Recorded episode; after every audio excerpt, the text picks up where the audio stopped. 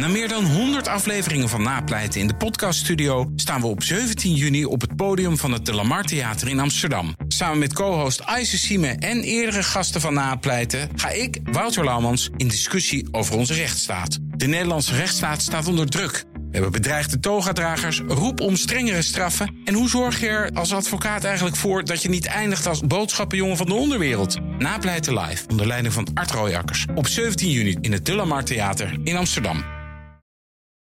Dit is een podcast van BNR Nieuwsradio. Welkom bij aflevering 53, zijn we. 53 van de Technoloog. Hoi Ben. Eh, eh, hoi Herbert. Goed dat je er bent. Ja, we zijn er weer. En dag Kees. Hallo. Want we hebben hier Kees Verhoeven van D66. We vonden het weer eens tijd om bij te praten. Ja. Wanneer was nou, de- wanneer was nou mijn eerste Eh, dat- technoloog? dat Welk was- nummer was dat? Dat was 30? aflevering 12. Want ik heb 12? nog even teruggezocht. Ja, ja, het is lang geleden. Oh, dat zou je niet zeggen. En eh, dat was een, een. Dat vond ik voor een politicus een open gesprek. Weet je, niet een volg taalgebruik. Ja, ja, ja. Maar nou zit hij in de regeringsfractie. Ja, je? wordt het veel moeilijker vandaag. Want de ultieme moest je campagne voeren, weet je nog? Ja, dat is waar. Maar nee, oké. En eh, We zullen toen, zien, we zullen toen had zien. je in de FD had je een ingezonden brief gestuurd. Ja. En dat was eigenlijk mijn aanleiding. Dacht, daar wil ik het toch over hebben. En niet alleen ICT en privacy en, ka- en kansspelen, maar ook inlichtingendiensten doe je, terrorismebestrijding en Europese zaken. Dat Ja. zit allemaal in je portefeuille. Maar voornamelijk vandaag dus ICT en privacy. Daar gaan we het over hebben. En, maar ik, ik wil het eigenlijk ook inderdaad eh, wel even hebben eerst over wat het voor jou betekent dat D66 nou in de regering zit. Ja. Hè, want eh, eh, om, om eens, om eens een, een potentieel conflict te, te benoemen. ehm, overal hoor ik dat in het regeerakkoord jouw hand zichtbaar is. Ja. Misschien niet op elke pagina, maar toch echt wel hier en daar. Op Ja. meer dan één plek. Ehm, en, en, en jij wordt geacht als Kamerlid de regering te controleren. Ja. Dat is een Nou, best een wonderlijke positie. ja, dat is een wonderlijke positie. Nou, ik heb natuurlijk, ik zit sinds 2010 in de Kamer. Dus ik heb zeven jaar oppositie gedaan. En ik zeg wel eens tegen. eh, we hebben nu ook een lichting nieuwe Kamerleden. Die beginnen dus als coalitie-Kamerlid. En ik zeg tegen hun wel eens: eigenlijk is het fijner om als oppositie-Kamerlid te beginnen. Je bent toch vrijer. Ja. Ehm, het is ook. Het, ik denk dat het mij wel zal lukken, omdat ik weet hoe het werkt. Ik denk dat ik ook echt wel de regering zal blijven controleren waar dat moet. Maar als je als beginnend Kamerlid gelijk aan een regeerakkoord gebonden bent, denk ik dat dat een lastigere start is dan. Ik heb je jarenlang gewoon eh, Rutte 1, Rutte 2 kunnen controleren. Maar een Kamerlid is en blijft een eh, volksvertegenwoordiger die geacht wordt, het parlement eh, wordt echt geacht om de regering te controleren. Ook Ja. als je in de coalitie zit. En op een aantal punten doe je dat in feite al door als Kamerlid jouw punt in het regeerakkoord te krijgen. Zo kun je het natuurlijk ook zien. En zo Eh, zie ik het ook. ja, je zou ja. kunnen zeggen, heeft Verhoeven de regering gecontroleerd? Ja, hij heeft gecontroleerd door er digitalisering in te zetten. Ja. Ja.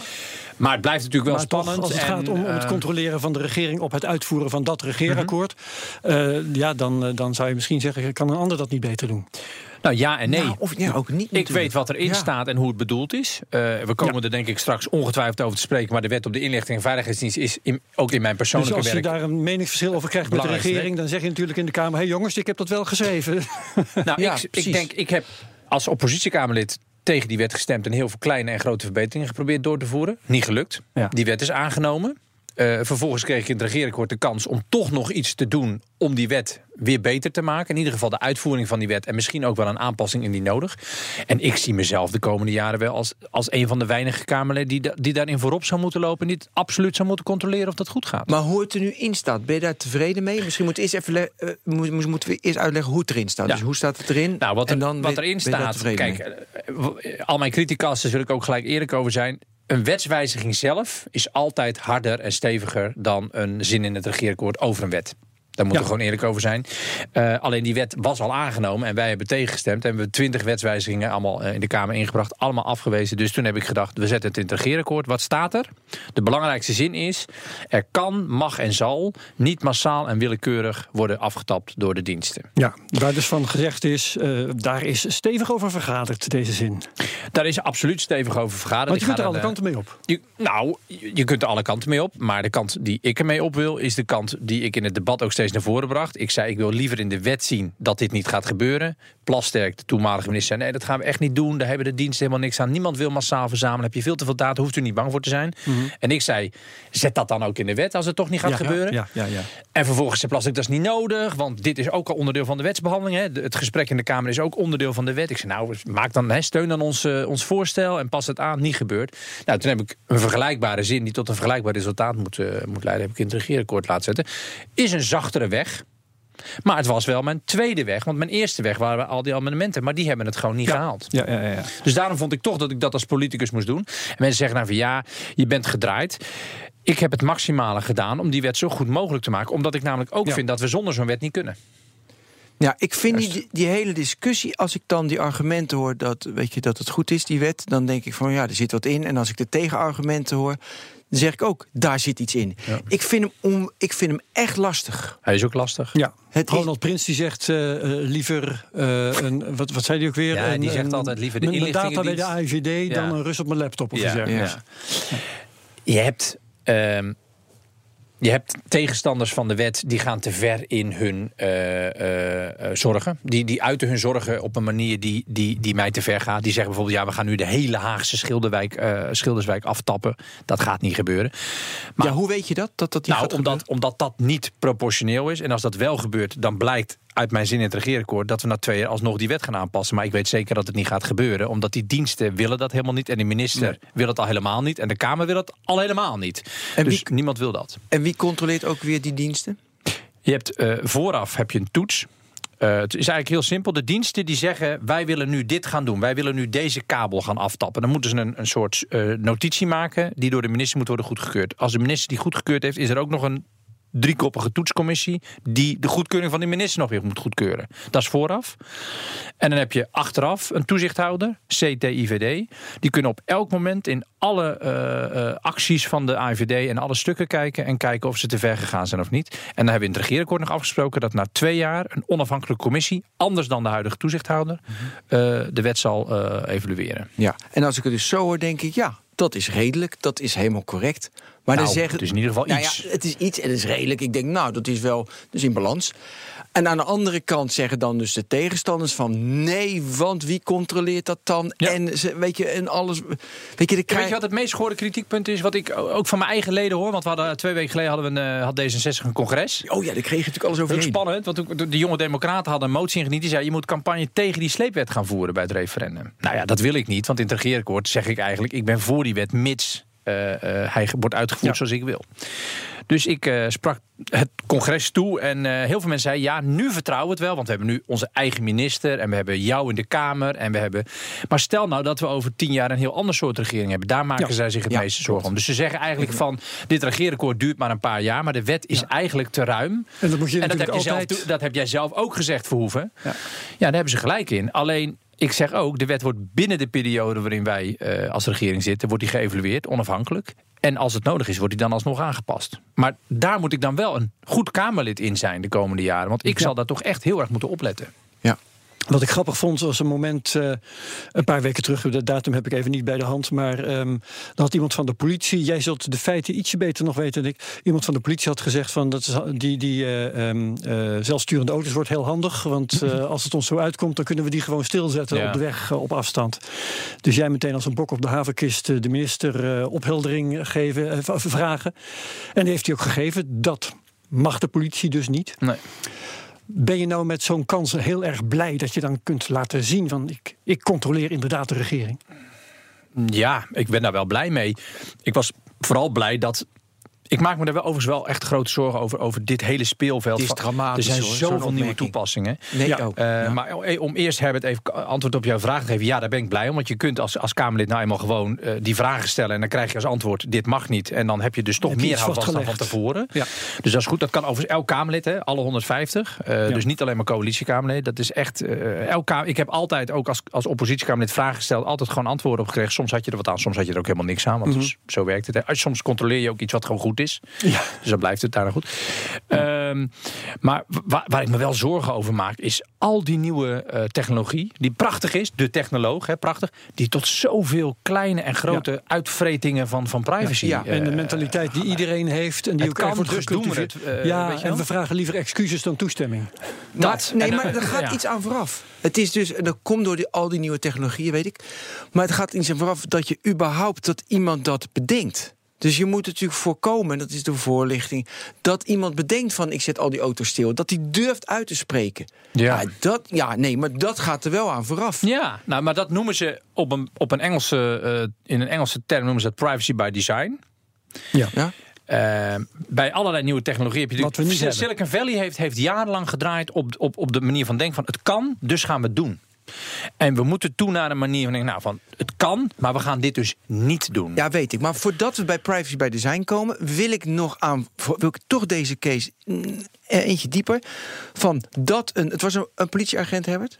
Eh, ja, het was nee, geen agent, het was iemand van de politie. Ik ben Iemand even- van de politie. kwijt, ja, eh, ja, ja. precies was. maar het gaat erom dat. Maar het gaat erom dat iemand daarmee komt. Ja. Ik, dat is dus al dat je zo denkt. Ja. Het is natuurlijk, eh, je ziet het wel op allerlei verzekeraars, banken, eh, zijn allemaal bezig met hoe kunnen we data, verhuurbedrijven, ze zijn zelfs commerciële verhuurbedrijven en, en, en, en, en, en vastgoedbedrijven die zeggen, nou, wij gaan iemand pas toelaten als er een hele data-analyse van die persoon is gemaakt. Om te kijken of het wel een goede koper of huur. Er zijn zoveel toepassingen mogelijk. En je hebt nou eenmaal heel veel mensen die denken gewoon van ja, privacy, pff, dat is allemaal niet zo belangrijk. Eh, we willen gewoon dat mensen niet te hard rijden. We willen gewoon dat mensen eh, niet, on- eh, niet ongezond leven en een goedkope verzekering afsluiten. Ja. We willen gewoon dat mensen geen slechte huurder blijken te zijn. Ja. Ja, zo gaat dat. Heel En- veel mensen vinden gewoon dat aspect van controle eh, belangrijker dan het aspect van persoonlijke vrijheid. Het was het hoofd van de dienst infrastructuur, een zekere Gert Wibbelink, die had gezegd: eh, wij zetten die eh, zelfsturende auto's wel stil. Op Nou, afstand stil. Het is ja. gewoon heel, Ja. heel, heel apart dat hij dat denkt. Maar dan zeggen jullie van nee, het is apart dat we hem de kans hebben. Dat de kans er is. Dat, weet je, dat we niet eh, zeg maar privacy by design. Dat de kans er is dat hij dat kan zeggen. Want als het zo gedesigned is dat iedereen weet van dat zit in een aparte kluis, die data. En eh, daar moet je met een speciale code inkomen. Dat is een deel van de oplossing. Kijk, gedachten zijn sowieso vrij. Die kun je, je kan niet voorkomen dat iemand iets denkt. Dat iemand iets zegt kun je Ja, een beetje voorkomen. Dat, dat, dat- maar je kunt in ieder geval dat iemand iets doet, kun je in ieder geval voorkomen. Daar kun je gericht op actie. En dat is inderdaad door bijvoorbeeld data op een bepaalde manier te beveiligen. Zorgen dat maar een kleine groep erbij kan en niet iedereen erbij. Dat soort oplossingen eh, zijn Ja, belangrijk. opsplitsen van data. Niet alles koppelen, niet allemaal. En ook eh, qua veiligheid, niet alle infrastructuur aan elkaar koppelen. Maar soms gewoon eens even verschillende segmenten maken. Ja, dat zijn dus de oplossingen waar we naartoe In moeten. ieder geval van die auto, als ik je een suggestie mag doen trouwens voor, eh, voor de, de toekomst, eh, is heel interessant dat Tesla scheppen data uit zijn, eh, zijn auto's haalt. En waarschijnlijk andere autofabrikanten ook. Maar bij Tesla is het toevallig een paar keer naar voren gekomen. En als eh, Tesla met die data iets kan aantonen, dan maken ze daar gif gebruik van, want zij hebben die data. En als het ehm, voor een automobilist iets kan aantonen, dan geeft Tesla het niet thuis. Ja, precies. Het zou heel interessant zijn om tot een soort eh, gelijkberechtiging te komen tussen eh, leverancier en klant. Over da- ja. Dat je eh, gezamenlijk eigendom hebt van Ja, die data dat is de discussie. Hè? Wie, van wie zijn die data? Dat is eigenlijk Ja. een, van de, een van de belangrijke discussies. Maar Kees, jouw rol is toch alleen maar van dan stimuleren, faciliteren, controleren dat bedrijven die dat maken. Ik sprak gisteren met de privacy security eh, manager, volgens mij manager of directeur, weet ik veel, van TomTom. Ja. En die hebben echt hele mooie systemen. Dat ze inderdaad de data splitsen. Dus deze data wel, weet je, deze data niet. Gelijk het nummer, als het een bepaalde code is. Als ik ergens rijd, dan wordt die code, als je naar de server gaat, direct veranderd. Dat het Ja. niet herleidbaar is. Dus je hebt allemaal privacy dingetjes waardoor ze niet herleidbaar zijn enzovoort. Nou, mooi. Maar jouw enige taak is toch faciliteren, controleren. of dat nou, gebeurt. Of, of, en, en, en wetten bedenken eventueel. wetten Wetten maken toch bedenken, wel, hè? Er komt, er komt nu bijvoorbeeld... eh politici kunnen wel degelijk wetten maken... die, die de privacy of de persoonlijke vrijheid van mensen verbeteren. Er komt uit Europa je- nu een hele grote wet aan. GDPR ga je noemen, hè? Ja, Ja. die ga ik noemen. En dat is een mega, eh, dat is echt een mega ding. En die houdt echt heel veel bedrijven in Nederland op dit moment bezig. Van gaan wij wel. Hij, hij is al van kracht die wet, maar hij wordt pas vanaf eh, mei eh, volgend jaar wordt hij pas eh, eh, ge- 25 mei. gecontroleerd. Dus eh, er zijn echt heel veel bedrijven op dit moment bezig. Bezig met, ja, voldoen wij nu aan die nieuwe Europese wet? Die overigens niet door Nederland moet worden uh, ingevoerd, maar die is gewoon ook gelijk voor Nederland van kracht. Dus vroeger had je heel veel richtlijnen en dan moest Nederland zelf een wet maken om binnen die Europese regels te blijven. Maar tegenwoordig is het gewoon, een Europa kan gewoon een wet maken en als die door alle landen gesteund is, Nederland heeft dit gewoon gesteund, hè, voor de mensen die denken van, oh, Europa bedenkt u wat, Nederland heeft gewoon ingestemd. Uh, maar uh, die geldt dus wel gelijk één op één ook voor Nederlandse bedrijven. En die gaat ervoor zorgen dat mensen hun, hun, hun, hun data beter beschermd wordt. Dat ze meer controle hebben over data. Ze kunnen onder, onder specifieke gevallen mogen ze het opvragen. Niet zomaar. Je kunt niet zeggen ik wil alles hebben, maar dat moet een reden zijn. Je moet een reden hebben. De, je, de bedrijven moeten uh, iemand instellen uh, om ervoor te zorgen dat het uh, beter beveiligd wordt. Ja, er zijn gewoon een aantal regels waar bedrijven aan moeten voldoen om de, om de data van mensen beter te beschermen en, en doelgerichter te, te gebruiken. Want dat is ook een belangrijk principe. Doelbinding. Kijk, je kunt dus wel data verzamelen, ja, ja, maar dan moet je voor één doel data verzamelen. Moet je niet voor tien andere doelen die data gaan gebruiken. Dat is een belangrijk onderdeel. Niet, dat staat er ook in doelbinding. Ja. Niet, niet dat uh, sleepnetgedrag, als ik dat even hierop van toepassing mag verklaren. Dat je alle data maar bij elkaar grijpt en later wel ziet wat je ermee doet. Dat nou, die sleep, kijk, als de IVD zegt wij willen stel dat je zegt wij moeten van een bepaalde straat nu alles gaan verzamelen eerst. Om vervolgens in te kunnen zoomen op één iemand. Dan is het doel dus inzoomen op die persoon. Moet je niet zeggen, oh we gaan ook eens eventjes die data van al die mensen koppelen aan uh, hun uh, inkomenspositie of hun sociale uh, verzekeringsstatus. Om te kijken of ze wel thuis waren op het moment dat ze thuis waren om een uitkering te moeten krijgen. Dat moet ja. je dus allemaal niet doen. Maar iets wat, dat kan ook absoluut niet van alle tijden dat is... zou je dus in je hoofd wel weer kunnen gaan, ja. gaan bedenken. En dat, dat, dat, mag dus gewoon absoluut niet. En dat staat in de wet vastgelegd. Ja. Dus dat een bedrijf je vraagt of je getrouwd bent, of je man of een vrouw bent, of of dat ze je creditcardnummer willen weten, zoals Apple bijvoorbeeld. Uh, dat mag alleen nog maar als daar een goede reden voor is. Nou, ik kwam net binnen met een aantal uh, tassen met, met, met fysiek gekochte cadeaus. Maar als je online shopt, uh, er zijn heel veel websites die enorm veel gegevens van jou willen hebben. Ja. Als je een hele simpele aankoop doet, ja. dat is helemaal niet nodig. je hebben ze je naam niet eens nodig, hè, als ze iets in feite niet. In feite niet. Het gaat natuurlijk om de betaalzekerheid. Die moeten ze eigenlijk hebben. Dat is eigenlijk het belangrijkste. Bij sommige producten zou je nog kunnen vragen: hoe, is iemand oud genoeg? Hè? Bij bepaalde producten is een leeftijdsgrens wel, wel goed om te weten. Maar uiteindelijk eh, hebben bedrijven heel veel informatie helemaal niet van jou nodig. Uh, je hoort ook heel vaak uh, zelfstandigen zonder personeel, ZZP'ers, die moeten ook heel vaak, die hebben hun burgerservice nummer uh, en een, en een belastingnummer wat, wat ongeveer overeenkomt. Ja. en dat is een heel problematisch iets, want daardoor, daardoor zijn die mensen zeg maar, veel, veel minder veilig op allerlei websites die die, die gegevens weer opvragen. Mm Ja. Maar goed, dat is een zijpot. Ja, zeker. Um, we begonnen over, over jouw positie in de Kamer en zo. Mm -hmm. We gaan al de kant op van, van, van die. Maar ik wilde nog één ding uh, vragen eigenlijk over uh, het politieke gebeuren. Had je eigenlijk uh, in het kabinet willen zitten? Nee. Nee. Ik heb ehm, dat vroegen wel meer mensen de afgelopen tijd. Ik heb denk ik al nou, voor de zomer, ruim voor de zomer, toen een formatie. Ik zat in het formatieteam van D66. Dat was een groep van vijf Kamerleden en, en drie medewerkers die, die meedachten met alle formatiehoofdstukken, uh, met alle hoofdstukken van het regeerakkoord. Dat was hartstikke leuk om te doen. Uh, maar ik heb in die tijd al vrij vroeg tijdens de formatie tegen Alexander Pechtold gezegd: ik wil niet het kabinet in. Waarom niet? omdat ik A, drie kleine kinderen heb. Dus ik heb er gewoon voor gekozen omdat ik qua tijdsbesteding echt dacht: dan wordt het er wel heel erg druk. B, omdat wij ook echt goede politici in de Tweede Kamer nodig hebben. En ik het veel, het veel leuker vind om echt te controleren. En C, als bewindspersoon ben je met één uh, onderwerp bezig, maar ook een ministerie aan het aansturen.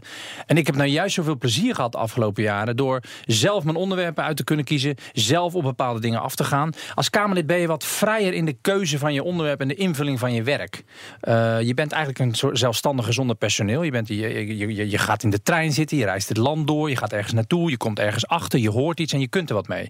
Ja. En als minister of staatssecretaris leid je een groot departement van ambtenaren die van jou willen ja. uh, weten wat je gaat. En daar ben ik minder een type voor. Ik ben gewoon in ieder geval in dit stadium van mijn leven heel blij om volksvertegenwoordiger te zijn en niet een bestuurder. Dus ik heb er zelf echt voor gekozen. Overigens, dat wil helemaal niet zeggen dat ik op een lijstje stond. Hè? Want nou, nou lijkt het net zo ja, anders. Wel, Zeker je, minister of staatssecretaris. Keuzes, je kunt alles maar kiezen dat, dat, dat, weet je helemaal niet. Want uh, we hebben binnen D66 nou ook heel veel andere goede mensen. Hè? Dat, dat, dat is natuurlijk, dus er stonden ook heel veel mensen ja, wel op lijstjes. Dus misschien stond ik wel helemaal niet op lijstjes. maar ik heb het voor de zekerheid ruim van tevoren tegen Alexander gezegd. Dus het uh, okay, heeft nooit gespeeld. Uh, Herbert, mag ik nog even terug naar die sleepwet? Ik zit ineens te denken, weet een van jullie hoe dat gaat? Stel je voor, ze willen mij nu slepen, Ben. Hoe gaat dat te werk? Wat, wat doen ze dan? Nou, als ze jou willen slepen, nee. dan hoeven ze niet te slepen. Precies. Want dan weten ze dat jij het target bent. Ze gaan Oh ja, eh, ja, uiteraard. Stel Nee. dat je, stel dat, maar stel dat ze weten. Stel dat ze straat. denken dat ze, dat ze iemand moeten hebben in, in, in, in, in jouw, in jouw eh, geografische omgeving of in jouw kennisomgeving. Dan gaan ze gewoon eh, internetkabels. Want dat is, dat is eigenlijk het belangrijkste onderdeel van de nieuwe wet op de inlichtingendiensten. Dat ze de kabels mogen aftappen. De internetkabels. En dan zetten ze. Ja, je- ik, ik, ik weet Het precies niet techniek meer met kan ik niet nee. Maar ze zetten, Nee, ze zet even krokodillen in. Nee, maar ze zetten in feite een soort van filter. Ja, hoe noem je dat, Herbert? Jij- Ja, nou, inderdaad, een of andere aftapmechaniek, maar dat Ja. gaat over software. En ik Ja, weet dat dat is is gewoon, precies. Gewoon software bij de kabelmaatschappij erin.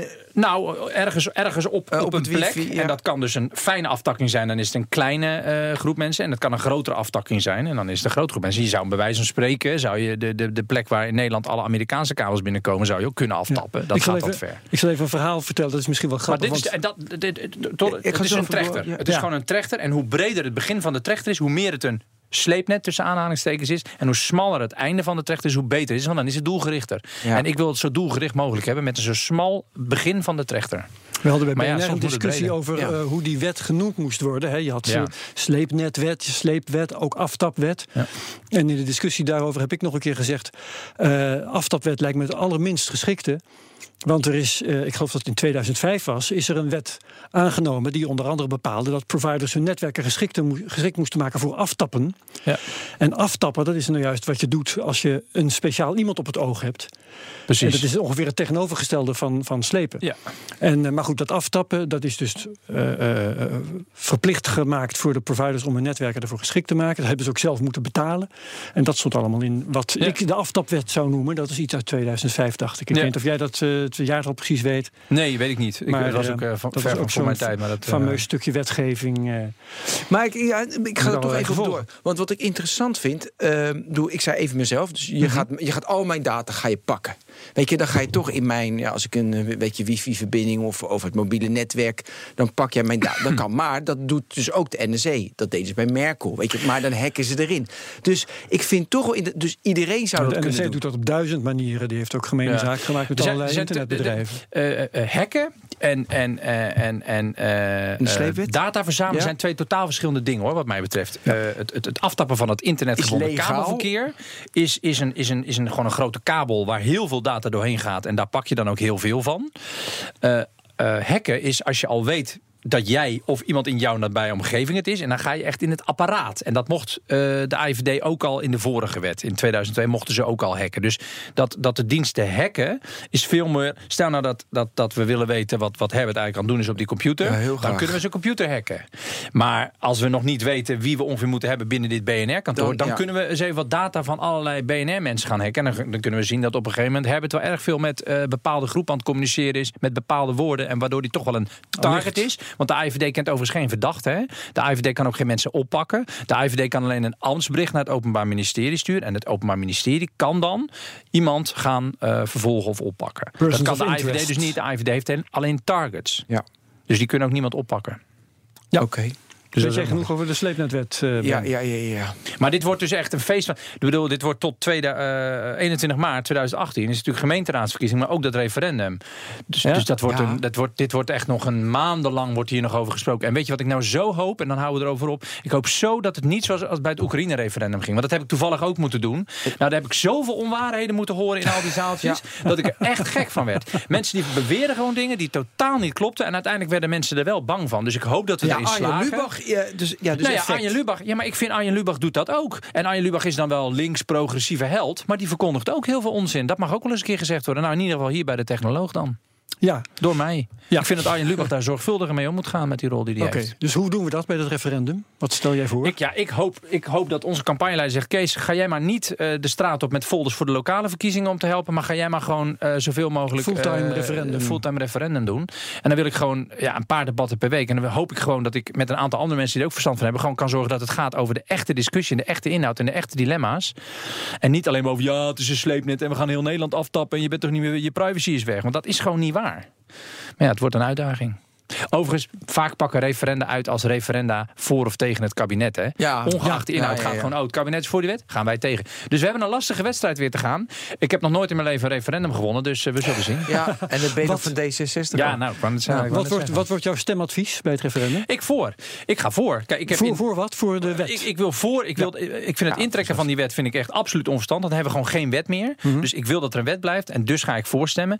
En afhankelijk van de discussie moeten we gaan kijken wat er nog gaat gebeuren in de toekomst met die wet. Maar vooralsnog hebben we het regeerakkoord. En mijn advies is dus voor. Eh, hebben jij? Ehm, eh, nou ja, eh, wat, ik, ik begin meteen te hakkelen, want ik weet het nu al niet meer. ik zou misschien, voordat we hier de studio inliepen, zou ik gezegd hebben tegen. Maar dan hoor je dat soort argumenten. Denk maar je, wat ik is, dat ken ik Kees beginnen. als een verstandig iemand, dus eh, nu ga ik er weer even Dan over ga je weer verdiepen. dan Ja, ga je nou, weer, maar je hebt nog tot 21 maart. Ik, Ja. hoop, echt- ik hoop echt dat het, eh, dat het in ieder geval een inhoudelijke discussie wordt. Want Maar als het een inhoudelijke ja. discussie wordt, is Ja. de uitkomst van het referendum meer waard. Ik ben het ontzettend met jou eens in ieder geval dat het over eh, feiten zou moeten gaan en niet over allerlei Ja. rare voorstellingen van zaken. Eh, maar dan heb ik aan jou wel de vraag: ben jij na zoveel jaar politiek en verkiezingen en vooral ook het, dat vorige referendum, zit je, ben je nog zo optimistisch dat je denkt dat dat gaat lukken? Ik heb me verkiesbaar gesteld weer, hè? 2017. Maart 2017. Eh, best wel nog even over nagedacht, want ik doe het al zeven jaar. Ik word ook ouder, ik ben 41. Ik wil ook nog wel eens een keer wat anders gaan doen. Dus ik dacht, ga ik dit doen? En volmondig ja. En toen heb ik gedacht, ga ik, eh, wil ik eventueel in de regering? Nee, wil ik niet. Eh, vind ik mezelf nu niet de aangewezen persoon. Ik heb nog de energie om te controleren wat ik net zei. Dacht nou, dan ga ik weer in die Kamer zitten.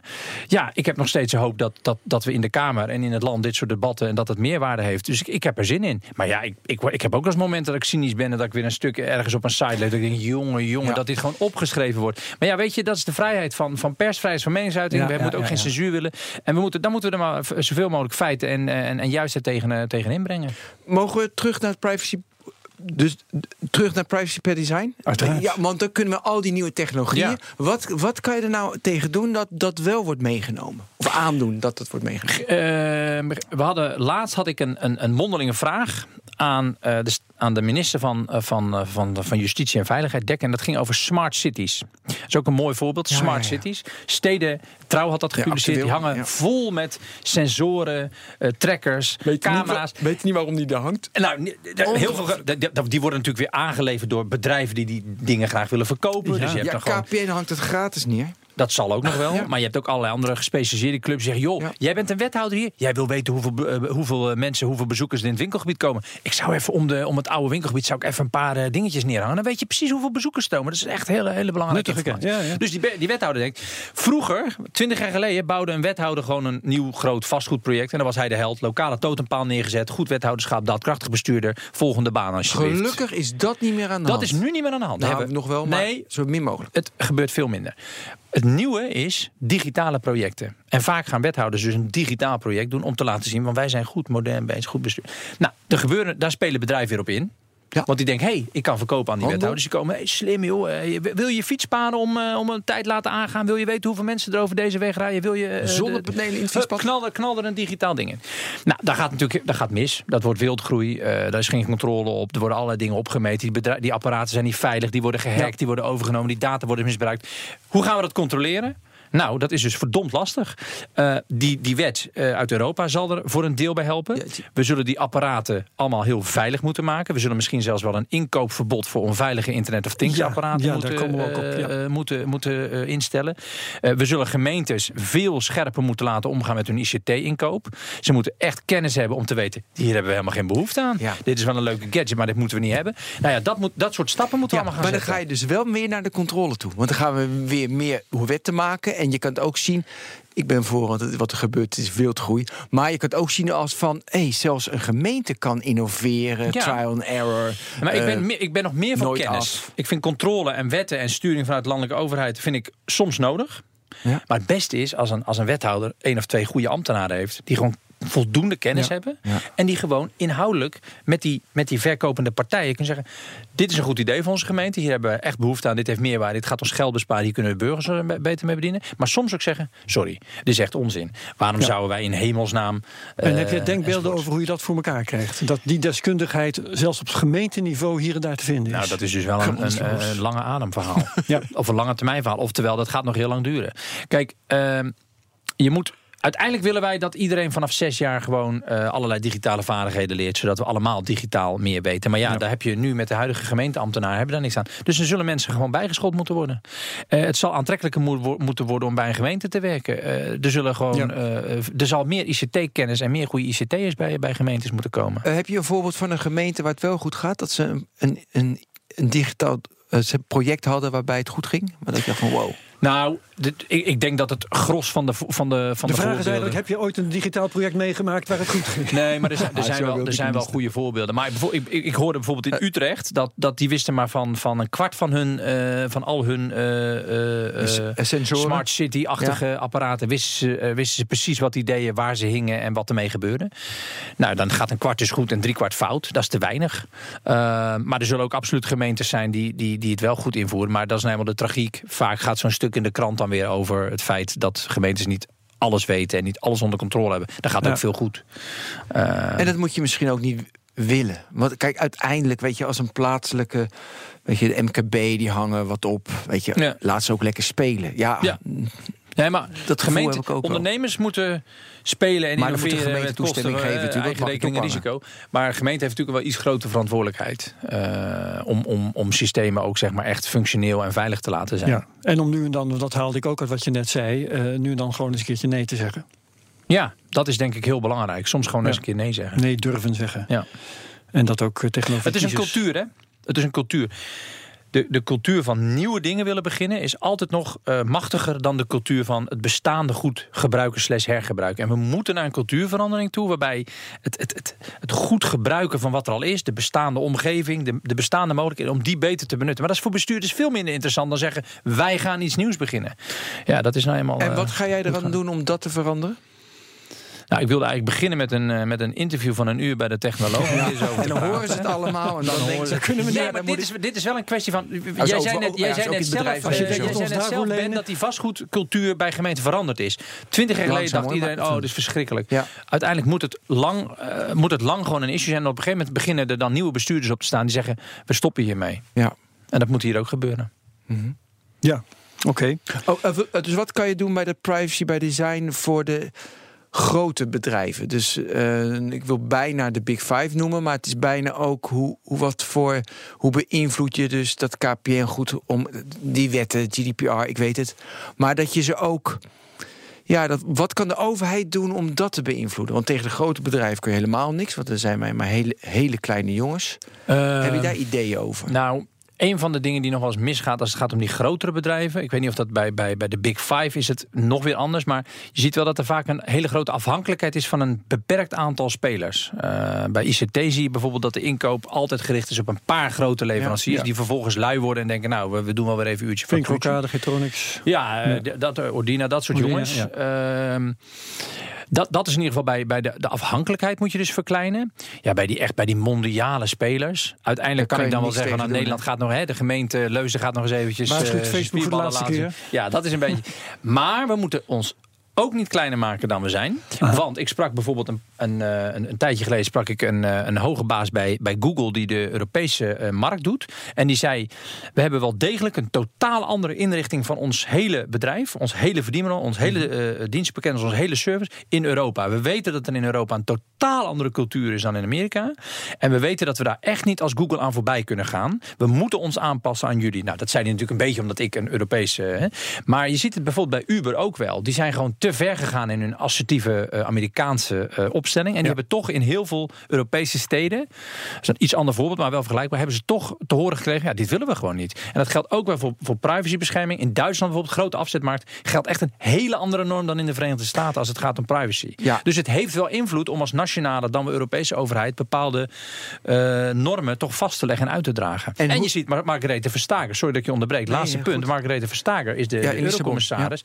Die legt gewoon hele zware boetes Hard op. Was zij, hoor, en, die, en die bedrijven zijn wel bang voor Margarethe Verstager, hoor. Ja. maar ze zeggen wel eens dat ze, ze, betalen hier geen belasting, maar ze betalen wel boetes in Europa. nou, soms komen ze ook daar weer onderuit. Ja, dat is nog veel te weinig. Ja, daar komen ze dan weer onderuit. Maar toch, ze worden wel uitgedeeld en ze, ze leiden wel tot verandering. Ja, uh, hoe zie jij die balans? Want, want je triggerde me met Uber. Die balans tussen dan toch weer weet je, regulering, dat het niet doorzet. En aan de andere kant uh, dat je ze wel de ruimte geeft om nieuwe businessmodellen. Hoe zie jij die balans? Nou, dat is, is dat, case by case? Dat is, dat, ja, dat is, dat is ook een hele leuke filosofische discussie. Hè? Want een innovatief bedrijf voldoet per definitie niet aan de bestaande oude wetten natuurlijk. Dus dat is altijd het leuke spanningsveld. Nou, Uber ging daar heel ver in. Die zei, nou, we zijn zo innovatief. Wij, wij mogen overal doorheen breken. En vervolgens wel op de meest ouderwetse manier... je eigen chauffeurs onderdrukken en consumenten geen veilig product geven. Dus dat kan niet. Maar een nieuw, een innovatie als zeggen van... nou, in plaats van een oude taximeter of via een app... Uh, en de telefoonpalen uh, de, de, de, rit, de ritprijs in keil brengen... dat moet natuurlijk weer wel kunnen. Nee, maar even terug op Uber. Mijn dochter moest om uh, één uur s'nachts in Utrecht een taxi hebben... en dan moet ze gaan pinnen, want ze heeft nooit contant geld... om een taxi te nemen. Weet je, nou, het is natuurlijk schandalig, want er rijdt geen Uber. Want dat hebben we gekild.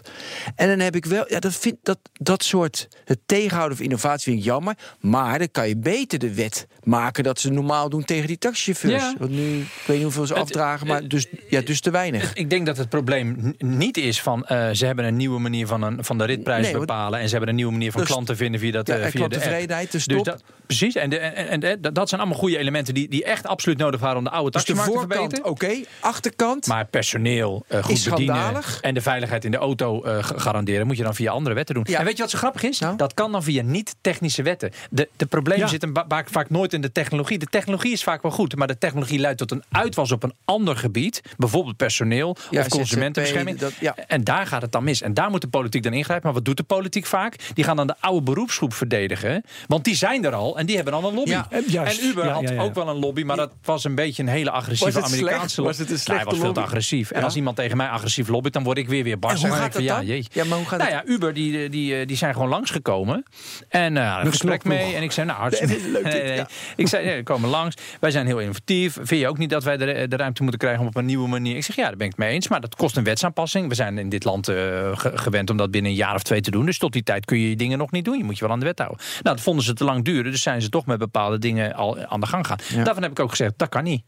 Dus soms moet een innovatief bedrijf ook even geduld hebben. En, en, en, en uh, ze moeten dan de juiste balans vinden tussen je aan de wet houden en naar een nieuwe situatie toewerken. Door te laten zien dat je van meerwaarde bent, waardoor de politiek de wet wil aanpassen. Wij kunnen nooit vooraf een wet aanpassen. Kunnen we alleen achteraf doen. Ja. We lopen altijd achter de feiten aan. Ja, en flink ook. Maar dat is wel goed, want als we de, voor de feiten uitgekomen zijn we, uh, markt, hè, zijn we een overheidsgestuurde economie. Ja, maar Kees, is mooi wat je zegt, dat duurt twee jaar. Terwijl je natuurlijk. Zoiets. Nou, of drie of één. Maar wat je wel ziet natuurlijk, de wereld gaat steeds sneller. Dat softwareontwikkelingen, bedrijven. Op, weet je, dat duurt natuurlijk wel. Want we proberen een wet half en we passen hem aan, een half jaar. Weet je, iteratief wordt die steeds beter, die wet. Zo'n systeem, wat je natuurlijk wel in de technologiewereld wel ziet, zie je niet in jullie wereld. en daar ben ik toch teleurgesteld over. Nou, dat is ook wel terecht. Je, je hoort heel vaak het woord agile. Yes. Uh, lenig betekent het volgens mij, of, of, of, of, zoiets. En dat wordt in bedrijven heel goed toegepast. Hè, van in plaats van één groot oude, uh, totaalsysteem in één keer neer, uh, neerknallen, in kleine stapjes ontwikkelen. Waarom kan dat niet in de bestuurskunde? Ik vind dat we daar naartoe zouden moeten gaan. Uh, we zouden natuurlijk ook op een andere manier wetten kunnen gaan maken. Met kortere doorlooptijden, nou, kleinere stukjes, snellere aanpassingen. In plaats van een, een wet om de tien jaar dus een keer helemaal veranderen. Hem elk jaar even proberen te updaten. Ik zeg het nu, we hebben het er wel eens over gehad, maar hier is eigenlijk nog nooit echt goed over nagedacht. Nou, hier hebben we het, gewoon, hier hebben we het nog te weinig over. Is dat eigenlijk zou factor? je zou eigenlijk, grote gedachten, naar een nieuwe manier van wetgeven toe moeten natuurlijk. Uiteindelijk. want, uh, een meer lenige manier van wetgeven. Het, uh, het moet door de Tweede Kamer, het moet door de Eerste Kamer enzovoort. Er zit een heel traject voor natuurlijk ook. Dus ook als je pak een beet één paragraaf in de wet gaat veranderen, dan moet je die hele procedure door. Dan kun je maar beter gewoon eerst alle veranderingen die je wilt uh, doorvoeren op een hoop gooien. Dat, dat, dat is een gedachte. Maar je kan natuurlijk ook zeggen: van waarom gaan we niet gewoon kijken of op een bepaalde manier. Kijk, soms is wetgeving niet altijd helemaal nodig. Hè. Soms kun je ook met, met, met onderliggende regelingen, ministeriële regelingen, algemeen maatregelen van bestuur, bestuur kun je al dingen afvangen. Dus dat is al een bepaalde vorm van lenigheid die er is. Maar je zou natuurlijk ook kunnen zeggen: ja, waarom zou je een, een, een bepaalde stappen die bij een, bij een heel groot wetgevingsproces horen, waarom zou die altijd helemaal moeten doorlopen? Je zou kunnen zoeken, ik zeg niet gelijk zo en zo en zo moet het. Maar je zou kunnen zoeken naar iets kleinschaliger, iets lenigere manier van wetgeving. Of in ieder geval aanpassing van onderdelen van wetten. Om dat mogelijk te maken. Dat is wel een heel innovatief idee, Kees. Ja, moeten we eens mee verder de komende jaren. Ja, maar de komende jaren dan duurt het weer natuurlijk twee, drie jaar voordat... Iteratieve wetgeving. Nee, maar Ben, voordat er een hele nieuwe manier van wetgeven is, dat mag wel wat langer duren. Dat is dan één keer de investering van een wat langer tijdspad. Dat Ja, moet je ook gewoon accepteren. Oké, meneer. Dankjewel. Goed. Ehm, ja, we moeten ook nog over de democratie hebben. Is dat, Dat die- no- is dat nodig? Nee, ja, dat die in gevaar is en dat de Russen komen. en minister Ollongren, weet je, Ollongren. Ah, je moet die in, ja, ik wil... in de context van fake news. Fake en, news, en, daar heb je eh, denk ik ook een duidelijke Russische, mening over. Of, of, je dit, of, eh, of je dit. Nou, het valt me op dat, weet je, Buma bij WNL, weet je, jullie zijn niet erg aan het. Aan Dat is het niet bewust promoten. overigens. Het is wel dat- grappig. Ik dacht dat het wel. Is Nou, de dat was. democratie in gevaar, Weet je wat wel Kees? leuk Eh, Ja, ik denk wel dat demo- de democratie in gevaar is, ja. De Wat is, wat is het gevaar? Het gevaar, het, het, het, het gevaar is niet zozeer nepnieuws. Want dat is een, een klein onderdeel van een klein onderdeel van buitenlandse beïnvloeding. Waar, het, waar het ga- om gaat is echt beïnvloeding van buitenaf. Dat wil je niet. Een vorm van beïnvloeding van buitenaf is desinformatie, selectieve informatie. En een vorm van desinformatie is dan weer nepnieuws. Waar de discussie de afgelopen weken een beetje op stuk liep, was dat aan de politici werd gevraagd: geef eens een voorbeeld van nepnieuws. En dan waren er een paar voorbeelden. Ja, en dan werd gezegd: oh, dat zijn kleine website. voorbeelden. Stelt Ja. geen bal voor. Dus een website met Gerard Joling of eh Georgina Verbaan die een, een shirt op had met een bepaalde tekst. En er werd er rondgezet met een andere tekst. Of Trump, die inderdaad, eh, dat was wel overigens groot, die natuurlijk die, dat, dat, eh, die twee jongens die ruzie hadden voorwaarden waarbij die zei Oh, dat het. Eh, Ja. Dus dat, dat Ja. zijn wel vormen van nepnieuws die invloed hebben. Maar wat eigenlijk de structurele bedreiging van de, van de democratie is, is echt beïnvloeding. En dat is bijvoorbeeld ook spionage. Eh, dus, dus het kapen van, van bedrijfsgegevens via eh, bijvoorbeeld staatshackers. Eh, dat is het, het, het echt met, met bots en, en, en, en, en trollen. Dus met mensen en met computers. Heel veel selectieve berichten heel erg groot maken op die social media platforms. Met die algoritmes die daardoor vatbaar zijn. Want die algoritmes zijn erop ingericht. Veel kliks is hoog. Ja, draaien Hoog lijn. knopjes is het eigenlijk. Hè? Dus, dus, dus er zijn wel degelijk vormen van, van, van techniek ook om, om heel veel bepaalde informatie wel onder, om- bij veel mensen in het hoofd te krijgen en andere vormen van niet. En dat, dat doen de Russen wel. ja, en is dit het gevaar Dus voor dat, de en dat is democratie? wel een democra- democratisch gevaar. Niet ja. op zijn minst ook de beïnvloedbaarheid van de Nederlandse burger. Nou ja, er zijn heel veel mensen. Kijk, vroeger had je gewoon een krant. En die krant had een redactiestatuut en een, en een Ja. hoofdredacteur. En soms ook een ombudsman. En de journalistieke regels en redactievergaderingen. Dit kun je niet weten. Hoor en wederhoor. Eh, ja, dat is op, op, op Facebook natuurlijk niet. Nee. Daar kan iedereen wat opzetten. En ja, als er, als er in Macedonië bedrijfjes zijn die allemaal websites gaan bouwen met allemaal nieuwtjes over Trump. En die gaan ze allemaal rondpompen. En, en, en, en je ziet dat bepaalde advertenties worden ingekocht. En dat miljoenen Amerikanen die advertenties zien. Maar niemand weet dat ze door de Russen betaald zijn. Ja, dan heeft dat wel invloed op verkiezingsuitslagen. En dan heeft het dus ook invloed op de democratie. Ja, en de op. De vraag is, Ja. ehm, ik denk dat een aantal politici het nu zien, dit onderwerp. Maar iedereen roept er weer net iets verschillends over. Buma, een coalitiegenoot van mij, die zei laten we moeten een internetautoriteit op gaan richten. Ja, bijna een politie. En toen Ja, viel internet- ja, iedereen weer over hem heen. En toen heb ik ook in het was. debat gezegd als coalitiegenoot... ik controleer toch ook mijn, Ja. mijn coalitiegenoot een beetje. Nou, dat, dat lijkt me nou geen goed idee, weet je wel. En nou, dat heeft hij ook wel weer iets afge... Maar ja, de IVD is in feite ook natuurlijk al... die, die surveilleren ook online natuurlijk, hè.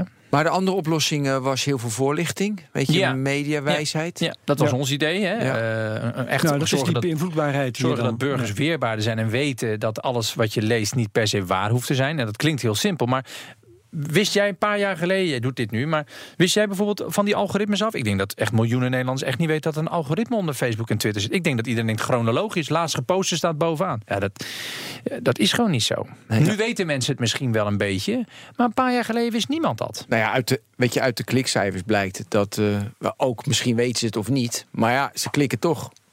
Wat bovenaan staat is nou eenmaal Nou het ja, makkelijkst. of, oh, ja, of in een timeline. Trouwens, een getal hoorde ik afgelopen week. Weten, we hoe, weet, weten jullie hoeveel meter mensen scrollen op, op hun Facebook-timeline per dag?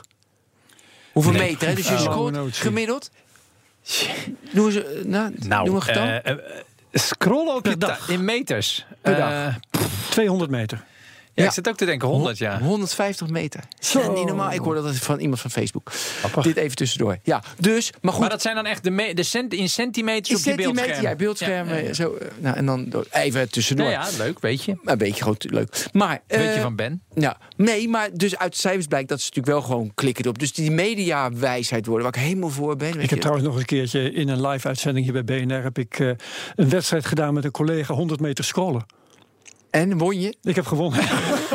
Dat is allemaal competitief. hè? Terzijde moet ik nou aan denken.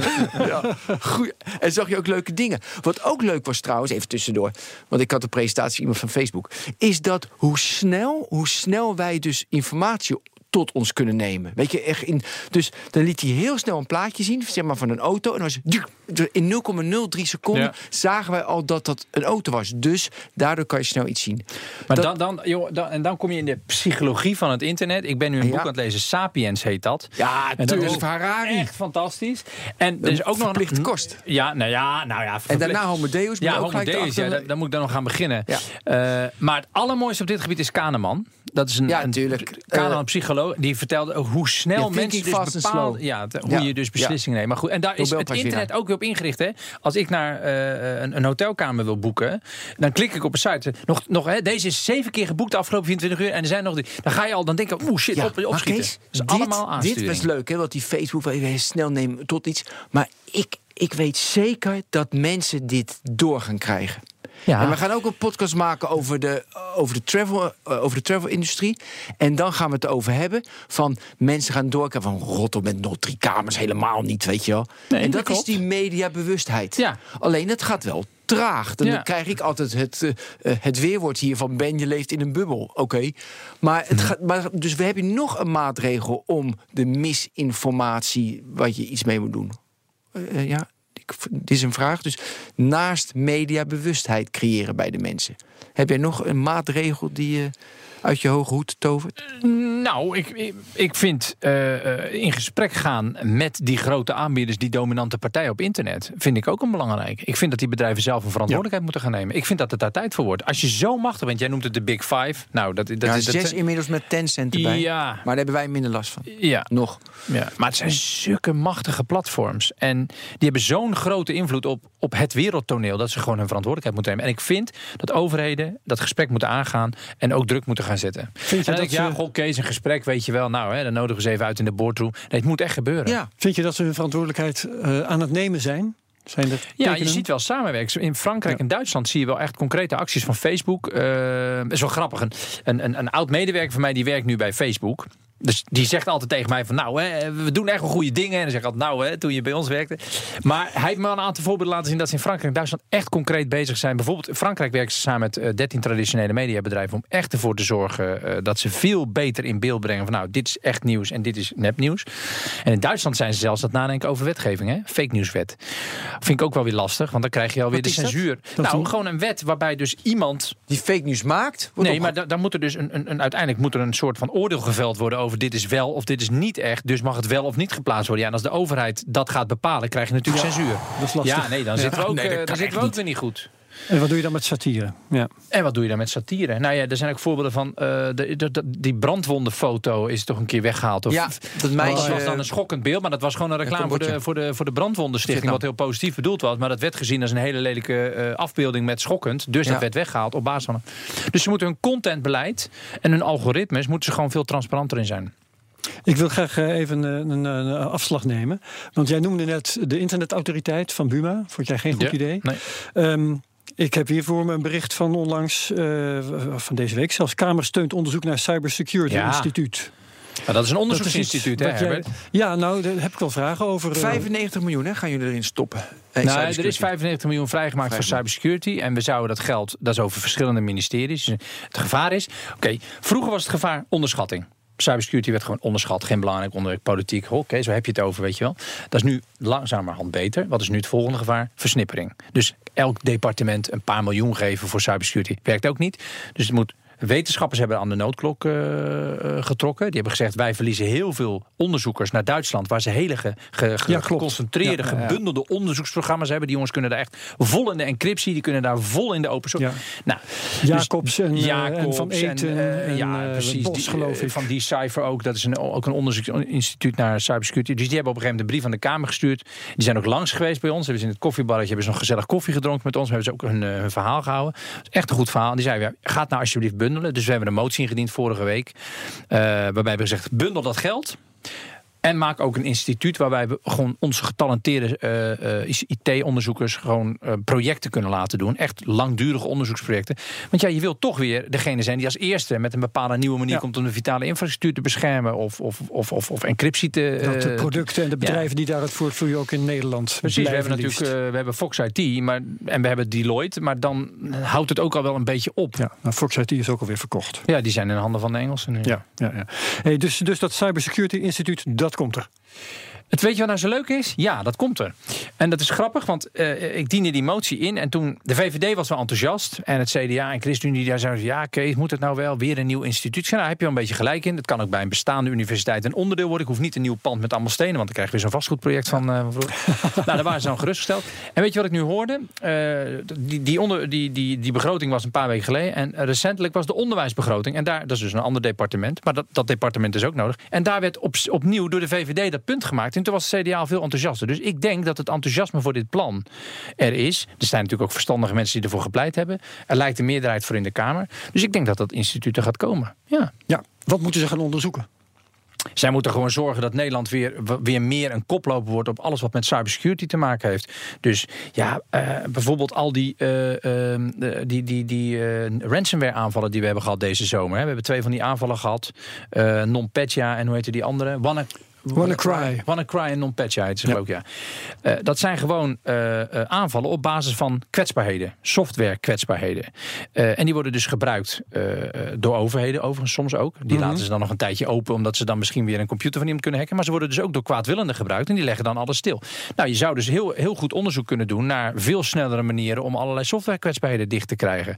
Je zou onderzoek kunnen doen naar allerlei vormen van het beschermen van bedrijfsinformatie. je zou kunnen zoeken naar manieren om de vitale infrastructuur in Nederland beter te beschermen. Je zou encryptie en versleuteling zou je weer dieper in kunnen duiken.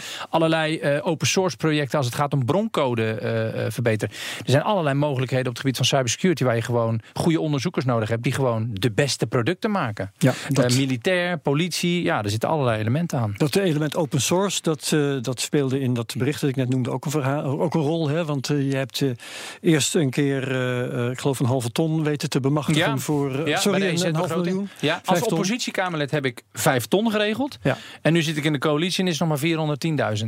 Dus ik ben er uh, gewoon. Ik dacht als... dat je er 410.000 bij uh, probeert nee, te krijgen. Nee, nee, nee, nee. Die 500.000 was eenmalig. En die 410 is de opvolger van die 500.000. Dus als we toch eerlijk zijn, het is 90.000 omlaag gegaan.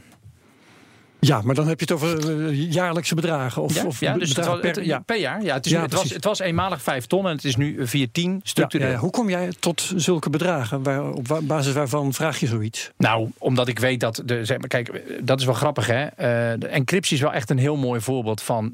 Encryptie is dus versleuteling, is heel belangrijk. Hè? Ik bedoel, als je online bankiert, als je uh, telefoneert... als je, of nou, niet telefoneert, als je mobiele telefoon... Dat is gewoon allemaal versleuteld, zodat het veilig is. Dat wordt, dat wordt gewoon gemaakt door een paar vrijwilligers. Door gewoon een paar techneuten die het leuk vinden. Door een paar clubjes die afhankelijk zijn van donaties. Nou, dus de orde van grootte is niet miljoenen, maar de orde van grootte is, nou ja, 10.000, 100.000 euro. Dus ik dacht, nou, als je nou gewoon 500.000 euro hebt, dan kun je gewoon een aantal clubs, open source, hè, dus dat, dat, dat het hergebruikbaar is, dat het dus voor iedereen bekend dat is. Dat vind jij belangrijk, dat dat, dat ja, ik vind open source, ik vind open source wel een belangrijk principe, ja. Dan kan iedereen het hergebruiken, kan iedereen er ook in kijken, kan iedereen het ook nakijken, controleren. Ja. Ja. Dus toen heb ik, ja, dan is het, joh, politiek is toch altijd dit, hè? Ik bedoel, ik had ook een miljoen kunnen vragen. Ik had ook 100.000 kunnen vragen. Nou, ik heb 500.000 gevraagd en kreeg 14. Ja. Dus godzegende de greep eigenlijk. Ja, maar ja, dus met, met geld natuurlijk altijd. Het, het is beter dan niks. En die clubs die zijn afhankelijk van donaties van, van een paar... Uh, nou, soms van een paar duizend euro kunnen ze weer een, een, een maand verder met wat mensen in hun lab. Nou, nu kunnen ze in ieder geval een project aanvragen. Kunnen ze gewoon structureel aan de slag.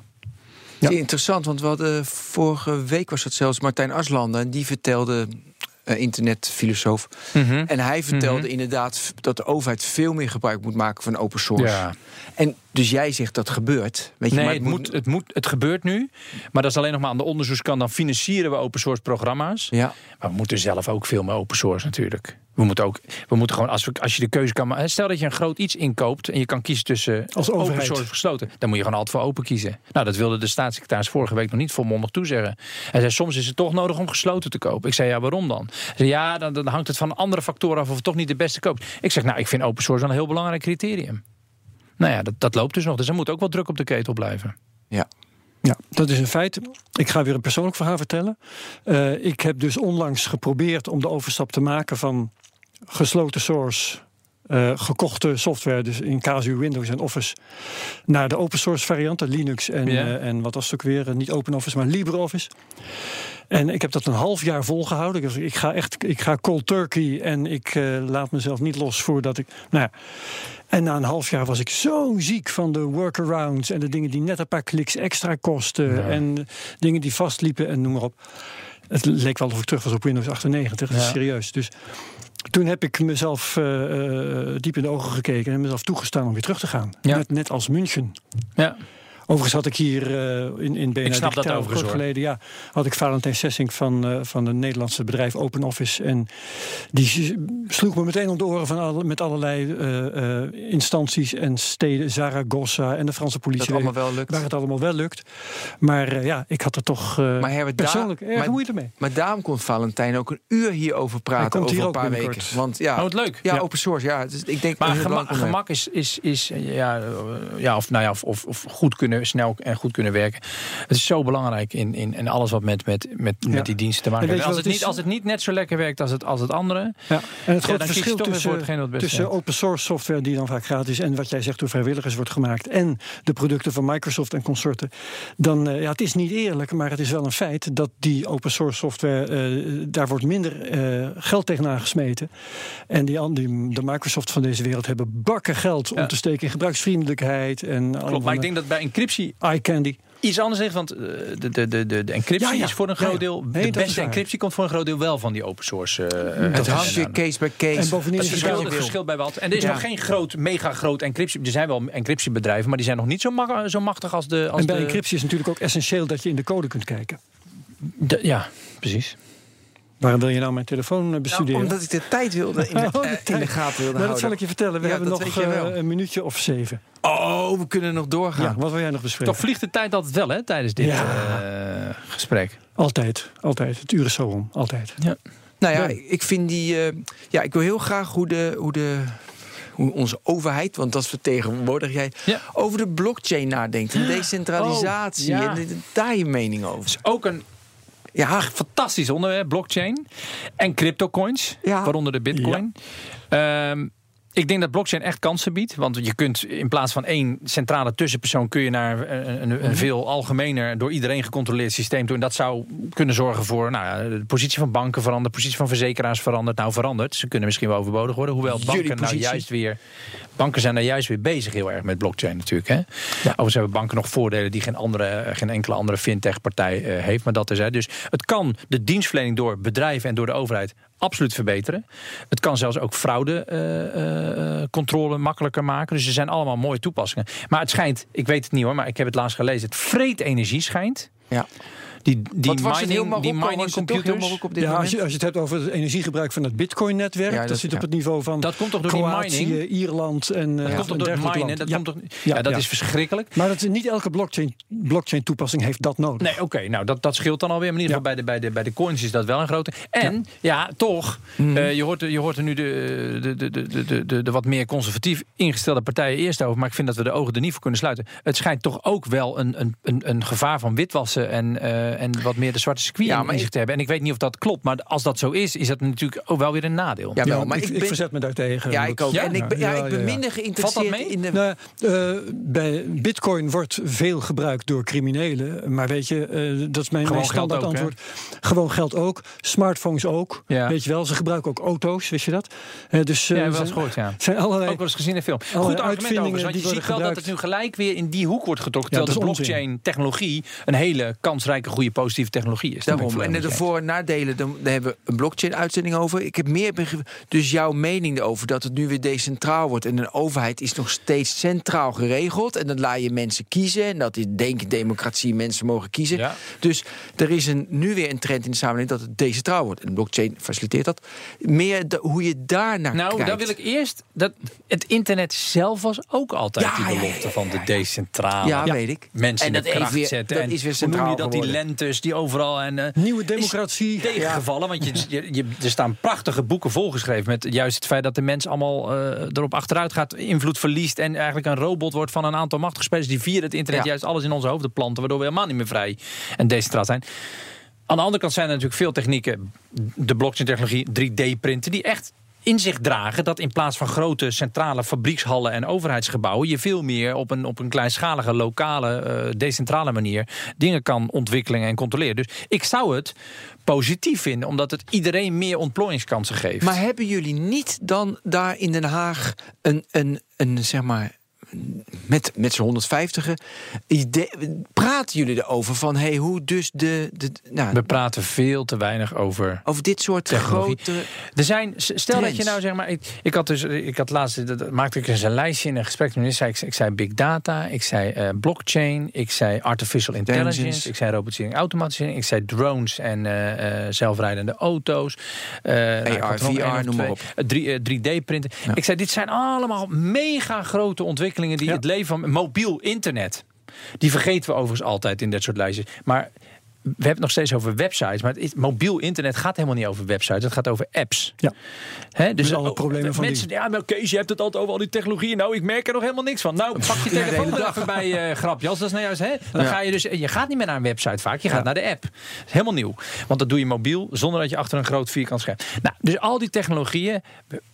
Ja, ik, ik las het op en de Kamervoorzitter, Ariep, die, die leidde dat debat. En die dacht, nou, daar gaat Kees weer met zijn. eh, komt hij weer met. Die had doen. echt zoiets van, joh. Wa- Waar gaat dit heen, Kees? Ik zei, nou, ik noem gewoon even een aantal grote eh, maatschappelijk eh, en mensveranderende technologieën op. die we gewoon hier in de politiek wekelijks zouden moeten bespreken. De gevolgen ervan. gevolgen, Werkgelegenheid verandert. Inkomensverdeling verandert. eh, kloven tussen arm en Ja. rijk en, Ja, kansarm en kansrijk verandert. inrichting van, het, van, van steden verandert. controle van, van, van, zichtbaarheid en anonimiteit verandert. Onderwijs en zorg verandert. Alles verandert. En daar moet de politiek natuurlijk over meepraten. Want als de politiek niet meepraat over grote maatschappelijke veranderingen... dan, dan is het dus in handen van degene die de technologieën Maar bedenken. dan komen we weer op het punt waar we het volgens, volgens mij 41 weken geleden eh, ook over hadden. De deskundigheid van Kamerleden. Ja, maar die is wel langzaam maar zeker aan het toenemen. Oké. Maar ook dat gaat te langzaam. Nou, en Astrid is weg, hè? Astrid Oostenbrug hadden we. Ja. Sharon Gesthuis is weg. Hadden we ook van de SP. Die was ook goed hoor. Die, is nu, eh, die doet nu allemaal andere dingen. Die is gestopt als Kamerlid. Die was ook goed. Die wist veel Ja. van ICT. Maar niettemin gaat het de goede kant op. Ja, want er, zijn er, toch een er is meer aandacht voor. Juist. Ik Ja. zie minder wazige blikken als ik erover begin. Ik heb nu bijvoorbeeld een, een, eh, voorgesteld om een ronde tafelgesprek over cybersecurity te houden. Op 6 eh, februari, Safer Internet Day. Nou, dat gaat de Kamer nu gewoon steunen. Twee jaar geleden hadden ze echt gedacht, nou Kees, daar gaan we echt geen ronde tafel over houden. Nu doen ze het wel. Dus ook weer door die eh, eh, eh, aanvallen deze zomer, hè, waarbij de, de containerterminal in Rotterdam stil. Ja. Gaan mensen Ja, toch denken, oh ja, misschien toch wel belangrijk. Ja, maar ik, ik, ik kom terug op een punt. Het is jullie instituut die over die technologieën praat. En die technologieën gaat ook jullie instituut Zeker. disrupten. Ja, En daar moet je ook over praten. Ja, precies. En daar moet je volgens mij het ook Daar over moet je ook hebben. absoluut over hebben. En kun je even filosoferen met mij hoe dat dan gaat disrupten? Nou, het is al gedisrupt door de referenda.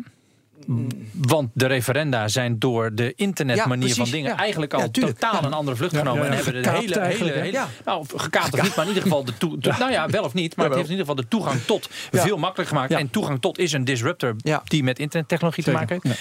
Dus dat is een, een heel mooi voorbeeld. Maar je gaat natuurlijk sowieso ook de, de, de filmpjes van Denk, de filmpjes van Thierry Baudet, eh, die, die gaan niet meer debatteren met mij. Nou, nee, die de- debatteren omdat ze bij de interruptiemicrofoon staan met het schaartje klaar, nemen het filmpje op, knippen hun briljante betoog eruit, zetten op Facebook Ja. en halen zetels. En uh, dat is ook nog een disruptief. verbaasd gezicht van jou bij als tussenshot. Ja, terwijl ik eh, ja, over het algemeen een vrij verbaasde gezichtsuitdrukking heb. Ja, en dan is natuurlijk de kritiek, dan gaat het niet meer om de inhoud, want je moet gewoon. Maar dat is natuurlijk ook een disruptor in zichzelf. Er komen nieuwe soorten politici. Het gaat niet meer om de politici die zich goed zijn in zaaltjes en een, en een één op één gevecht winnen. Het gaat om politici die handige mensen in dienst nemen, die snel filmpjes kunnen maken en online kunnen zetten, bij wijze van spreken. Of die heel snel op social media bepaalde boodschappen kunnen uh, verspreiden. Ja, ja. En, en hoeveel uh, bekwame bestuurders raak je niet, hè? zoals Job Cohen, ik noem maar wat. Ja, die is die, verloren gegaan in feite ja, in, in dat die, Omdat ze zich daarin niet kunnen redden.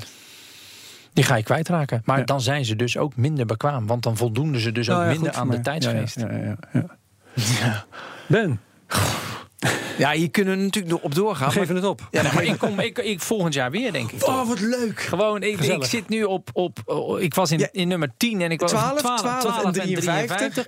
Dus dat zit er Reken maar uit. Nou, dan kom ik Ja. rond de 90 weer. Gaaf. Rond de 90. Heel gaaf. Voor de 100. Voor de 100. Mooi, dat is. Bij deze. Dankjewel, Kees Verhoeven. Graag gedaan. Dankjewel, Kees. Dankjewel, Ben. Jo, hartelijk bedankt.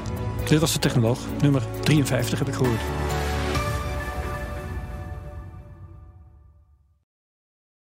Ook Liesbeth Staats vind je in de BNR-app. Ja, heel handig. Luister live naar Kees en mij tijdens de Daily Move. Dan blijf je ook gelijk op de hoogte van breaking news en het laatste zakelijke nieuws. En daar vind je ook alle BNR-podcasts, waaronder de Perestrooikast. Download nu de gratis BNR-app en blijf scherp.